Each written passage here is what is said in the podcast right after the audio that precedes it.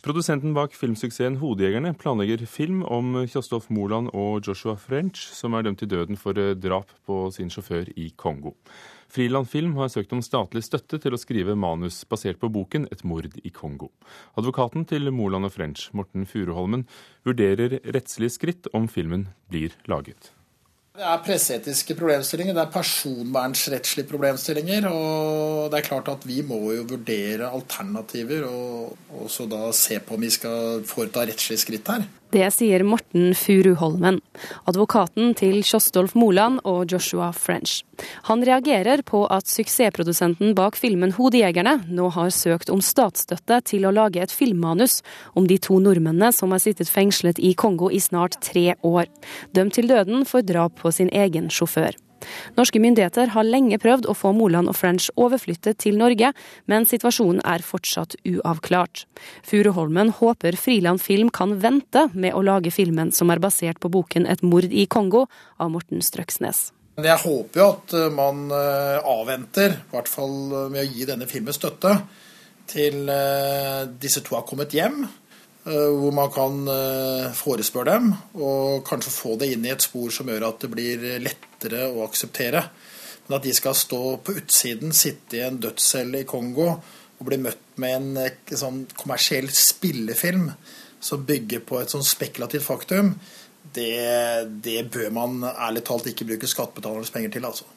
På menighetskontoret i Vegårshei kommune sitter kirkeverge Mathilde Moland, mor til den dødsdømte Kjostov Moland.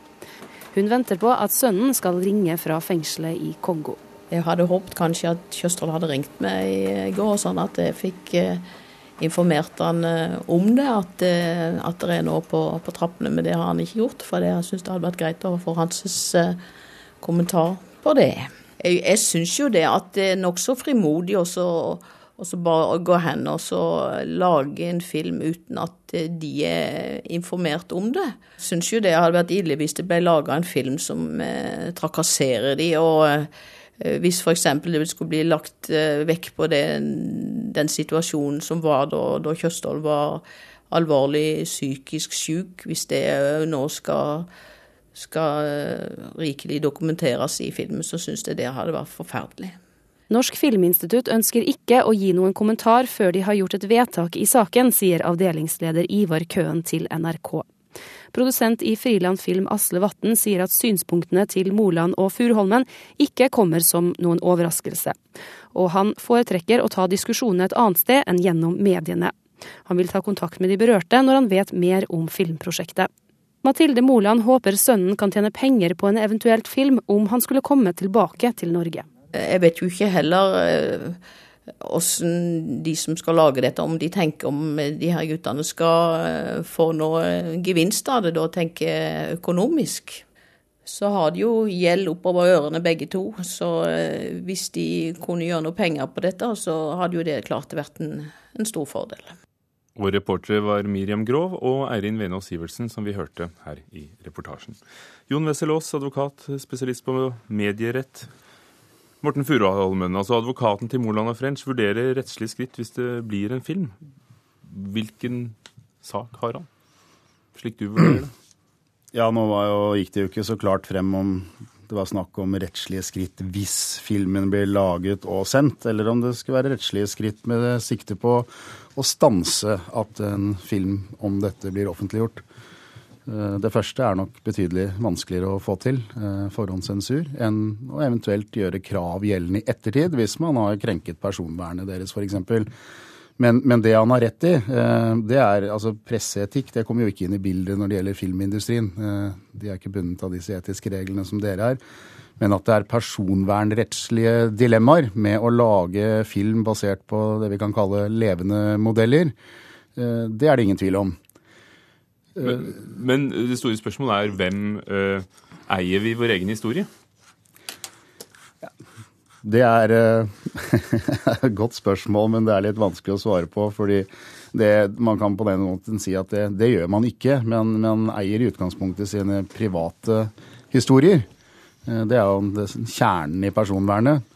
Nå vet jo ikke vi hvordan denne filmen skal lages, men hvis man lager en film hvor man sier klart fra til publikum, f.eks. at dette er ren fiksjon, men inspirert av boken f.eks. et mord i Kongo, så vil man stå langt friere enn om man lager en dramatisering med de virkelige navnene osv., osv., selv om man sier at man har tatt seg kunstneriske friheter.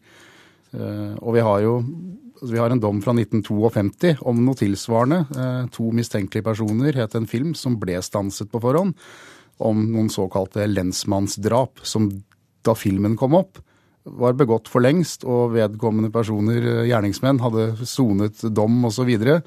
Da mente man på ulovfestet grunnlag at det var utilbørlig å lage en film basert på dem som levende modeller. Eh, jurister i Norge i dag strides om den dommen ville blitt opprettholdt i, i, i dagens rettstilstand. Men den, den, sier jo noe om at det er, jo ikke, det er jo ikke bare bare. Man beveger seg litt på en knivsegg når man skal lage en film mot vedkommende samtykke. Så Mathilde Moland, som hørte i reportasjen, finner neppe støtte i jussen på at, at sønnen skulle eventuelt være med å tjene penger på filmen, og i sin frykt for at han skal fremstilles feilaktig. Ja, altså om, om, de skal samarbeide med Moland og French selv og, og avtale penger, altså det er en helt annen sak. Eh, men, men, spørsmålet om man kan lage en film om dette eller ikke, avhenger fullstendig av hvordan dette gjøres. Og hva skal da til for å stanse den? Hvilke betingelser skal være oppfylt? Ja, For å stanse noe sånt på forhånd, så, så må man jo overbevise en domstol om at, uh, om at uh, alvorlige personvernforhold vil bli krenket hvis det blir publisert, og at det ikke er tilstrekkelig med en sak i ettertid for å få prøvet dette, fordi det vil være irreversible skader ved å sende det. men men vi vet jo eh, Jeg førte selv en sak for NRK for seks år siden eller noe sånt, eh, om forhåndssensur. Eh, hvor Høyesterett la til grunn at det var stort sett bare hvis det gjaldt liv og helse at det kunne være aktuelt å stanse ting på forhånd. Men det gjaldt da nyheter eller dokumentar. Dette er jo da eventuelt, vi vet jo ikke, men antageligvis litt mer underholdning. Da kan det godt være at terskelen er lavere for å stanse noe på forhånd hvis det går for langt inn på personvernet. Takk skal du ha, Jon Wessel Aas, medierettsadvokat, om eh, den planlagte filmen om Moland og French.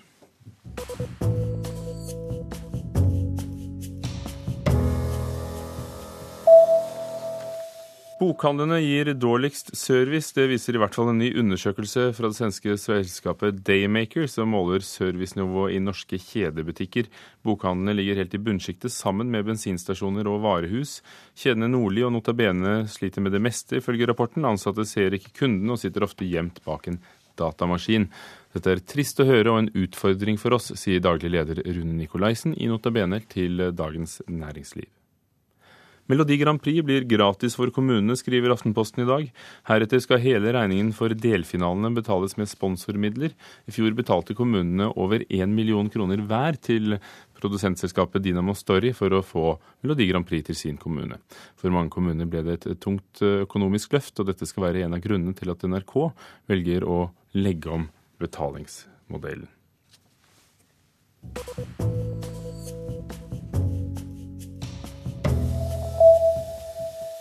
Kulturbyfondet er penger som er avsatt til kultur i Stavanger for å holde på ordningene etter at eh, byen var kulturhovedstad i 2008, altså kulturordningene.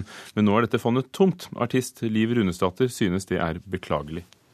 På samme måte som at eh, staten Norge investerer i forskning på oljeindustri f.eks., så er det viktig for staten Norge å investere i forskning på kunst og kultur. Da Stavanger var kulturhovedstad i 2008, søkte de også om et fond for å videreføre kultursatsingen. Søknaden gikk igjennom, og 18 millioner kroner ble satt av til kultur de neste årene. Pengene har de siste årene blitt delt ut i seks omganger. Til prosjekter med høyt kvalitetsnivå som bidrar til bl.a. nyskaping og kompetansebygging. En av de ansvarlige bak fondet er kultursjef i Stavanger kommune, Rolf Nordås. Vi skal gjøre med dette følge opp en del av intensjonen og tankene med 2008, nemlig at vi skal gjøre noe ekstraordinært.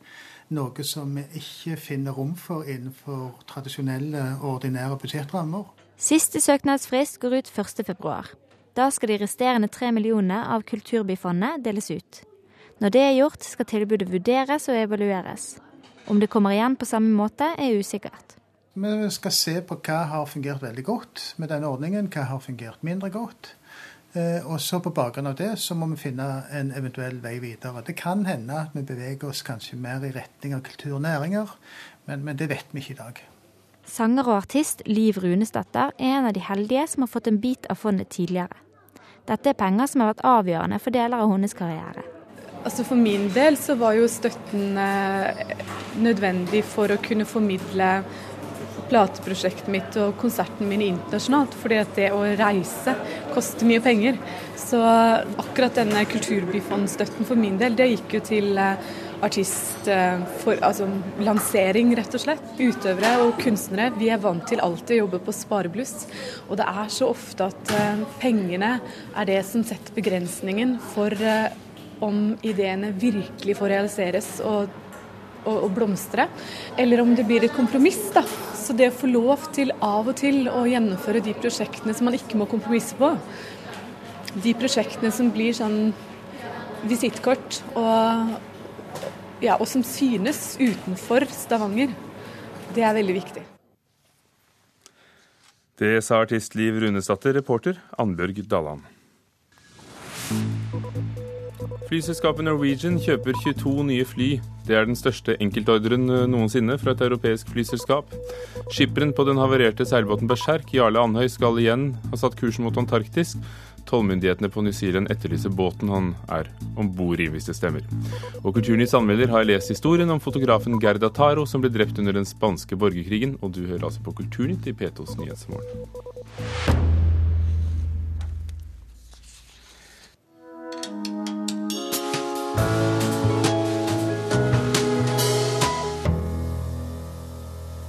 Da hun døde i 1937 under borgerkrigen i Spania ble fotografen Gerda Taro den første kvinnelige journalisten som ble drept i krigshandlinger.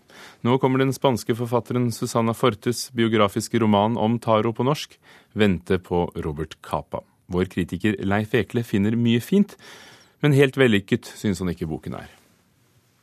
Historien om Gerda Taro er nesten like fascinerende og dramatisk som den tiden hun levde i. Den tiden hun valgte å kaste seg inn i med alt sitt engasjement, sin energi og kjærlighet til fotografen Robert Capa. Vente på Robert Capa vil fortelle denne historien. Taro var ung, vakker og jødisk, het egentlig Gerta på Hårylle. Hun vokste opp i Tyskland, født inn i en velstående handelsfamilie med polske røtter, hadde tennisklubben som naturlig tumleplass. Hun utviklet imidlertid politiske sympatier til venstre, ble arrestert av nazistene i 1933, men ble sluppet fri etter to uker. Det var da hun pakket sakene og dro til Paris. Der møtte hun den ungarsk-jødiske fotografen André Friedmann, han som etter hvert tok navnet Robert Capa. De ble elskere, han lærte henne å fotografere. Drøyt fire år etter utreisen fra Tyskland var hun død, overkjørt av en beltebil på flukt fra et slag de spanske republikanerne tapte. Hun hadde vært fotoreporter i ett år. Det er vanskelig å være uenig med forfatter Susanna Fortes når hun i bokens etterord skriver at de to, Taro og Capa, fortjener en roman for alt de gjorde for å dokumentere den spanske borgerkrigen. Fortes har da også skrevet en roman med stort engasjement der mange av de fineste partiene nesten gløder av innlevelse i disse noen og tyve år gamle menneskene, der de kaster seg inn i dekningen av en krig de håpet skulle stanse fascismens utbredelse i Europa.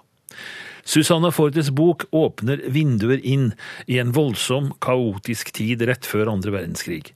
Bilder av Paris der intellektuelle og radikalere fra store deler av verden samles for å diskutere, krangle og kjempe, og der høyresidens antijødiske kampanjer ligner de tyske til forveksling, og alt koker av uro. Det er diskutabelt hvor viktig nøyaktighet, faktaopplysninger og biografiske detaljer skal være i en biografisk roman. Psykologien er imidlertid helt avgjørende for helheten, og den siden av denne teksten svikter mer enn én gang, der utsagn og påstander blir stående uten underbygging eller begrunnelse. Det gjelder for eksempel Gerdas radikalisering før hun forlater hjemlandet. Om fotografi og kameraer står det ting i denne boken som er direkte tøvete og latterlige, og som lett hadde vært korrigert. At forfatteren ikke alltid stoler på språket eller stoffet sitt og henger på unødvendigheter der teksten lever godt uten, bidrar ikke til å styrke helhetsinntrykket.